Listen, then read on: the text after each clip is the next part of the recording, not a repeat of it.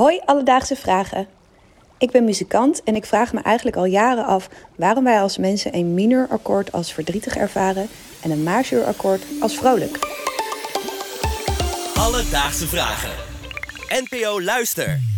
Bellen uit Amsterdam. Dankjewel voor het insturen van je vraag. Volgens mij is het heel lang geleden dat wij een keer een eh, muziekvraag hebben behandeld, Rosa. Ja, volgens mij ook. Ben jij een beetje muzikaal? Eh, ja, nou, ik hou wel heel erg van muziek. Ik vind het ook leuk.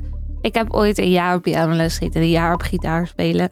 Dus dat kan ik niet heel erg goed, maar ik hou er wel van. Oké, nou heel goed. Ik dacht voordat we de vraag van bellen beantwoorden, moeten we even een stapje terug doen.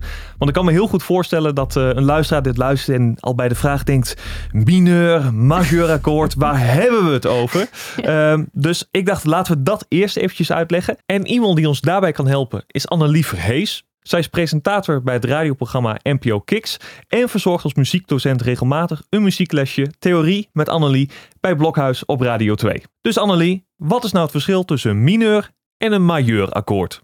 Allereerst, een akkoord is een samenklank van drie tonen, namelijk de eerste en de derde en de vijfde toon van een toonladder. En majeur is afgeleid van het Latijn, wat groot betekent, en mineur betekent klein. Nou, even hoe het muzikaal in elkaar zit. Bij een majeurakkoord is de afstand tussen die eerste en die derde toon groter dan bij een mineur. Ik laat het even horen op piano. Als ik nu een C-akkoord heb, dan is de eerste toon C. En de derde toon is E. Deze afstand die noem je een grote terts. Er zitten twee hele tonen tussen. Maar bij een C-mineur akkoord is de eerste toon wederom C.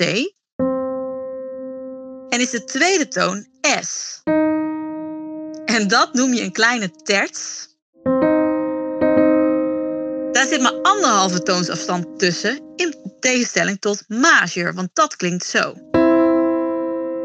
Dus misschien hoor je het verschil al als ik nu eerst majeur speel. En daarna dus mineur.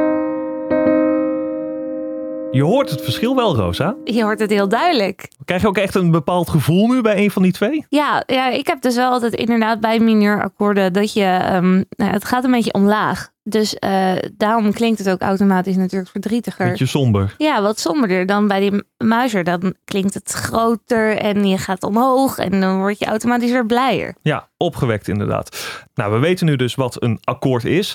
Maar ja, nog niet hoe dat precies zit met die stemming. Waarom we er blij van worden of wat Mhm. somberder. En Annelie die legt ook dat uit. De reden waarom we dit kunnen koppelen aan blij bij majeur en droevig bij mineur, daarvoor moeten we even terug naar die toonladder, oftewel alle noten op een rijtje. Stel als ik de toonladder van C majeur speel op de piano, dan moet je even op de één na laatste noot letten, want die wil oplossen naar de allerlaatste. En dat geeft ons een lekker blij gevoel. Daar komt hij, de toonladder van C.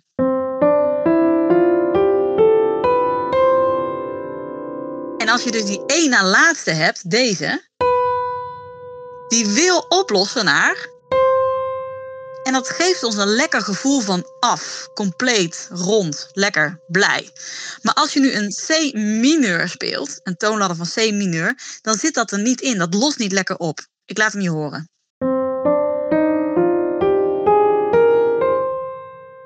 Daar voel je bij van, hé, hey, ik mis iets. Het is niet helemaal lekker af.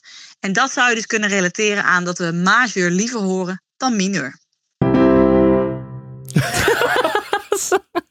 Ja, schrok. Die had ik niet verwacht. Maar duidelijk. Ja, heel duidelijk. Heel En- duidelijk. En ook instinctief vind ik dat dit heel logisch voelt eigenlijk. Voelt heel logisch. Alledaagse vragen. Nou, we hebben nu dus gehoord wat die muzikale theorie erachter is. Maar Rosa, waar we ook nog eventjes naar moeten kijken, is cultuur. Want als we het hebben over muziek, ja, dan praten we al snel over westerse muziek. Maar zoals Hans Steeuwen ooit zei, De wereld is echt wel heel wat groter dan alleen maar het Westen, hoor. Zo, die heb ik lang niet gehoord. Nee, dat is het stukje wereldmuziek uit een oude show van Hans Steeuwen. En de reden dat ik dat eventjes aanhaal is omdat wij, eh, als we aan muziek denken, denken we vooral aan westerse muziek. Dus eh, de muziek die wij veel horen, die bij ons bekend is. En omdat dat de muziek is waar wij bekend mee zijn, heeft het tot gevolg dat wij vaak muziek uit andere werelddelen, eh, zoals het Midden-Oosten of Azië, dat we die soms niet lekker vinden klinken, omdat ja, daar zitten dan voor ons bepaalde tonen in die wij niet fijn vinden. Eh, vaak dissonante tonen of bijvoorbeeld dus die mineurakkoorden.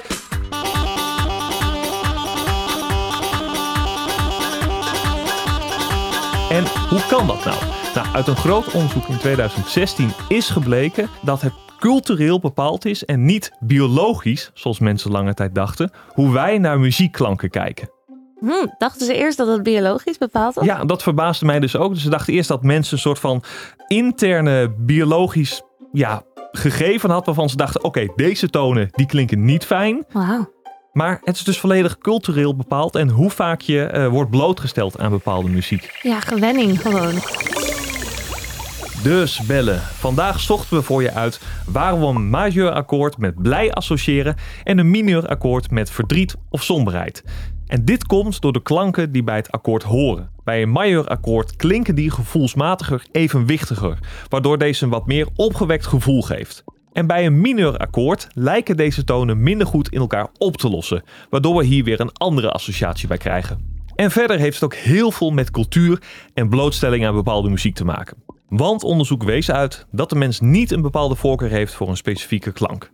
Heb jij ook een vraag? Stuur ons dan een berichtje op Instagram. Dat kan naar Alledaagse Vragen of stuur een mailtje naar alledaagsvragen.bnnvara.nl en zoek het voor je uit.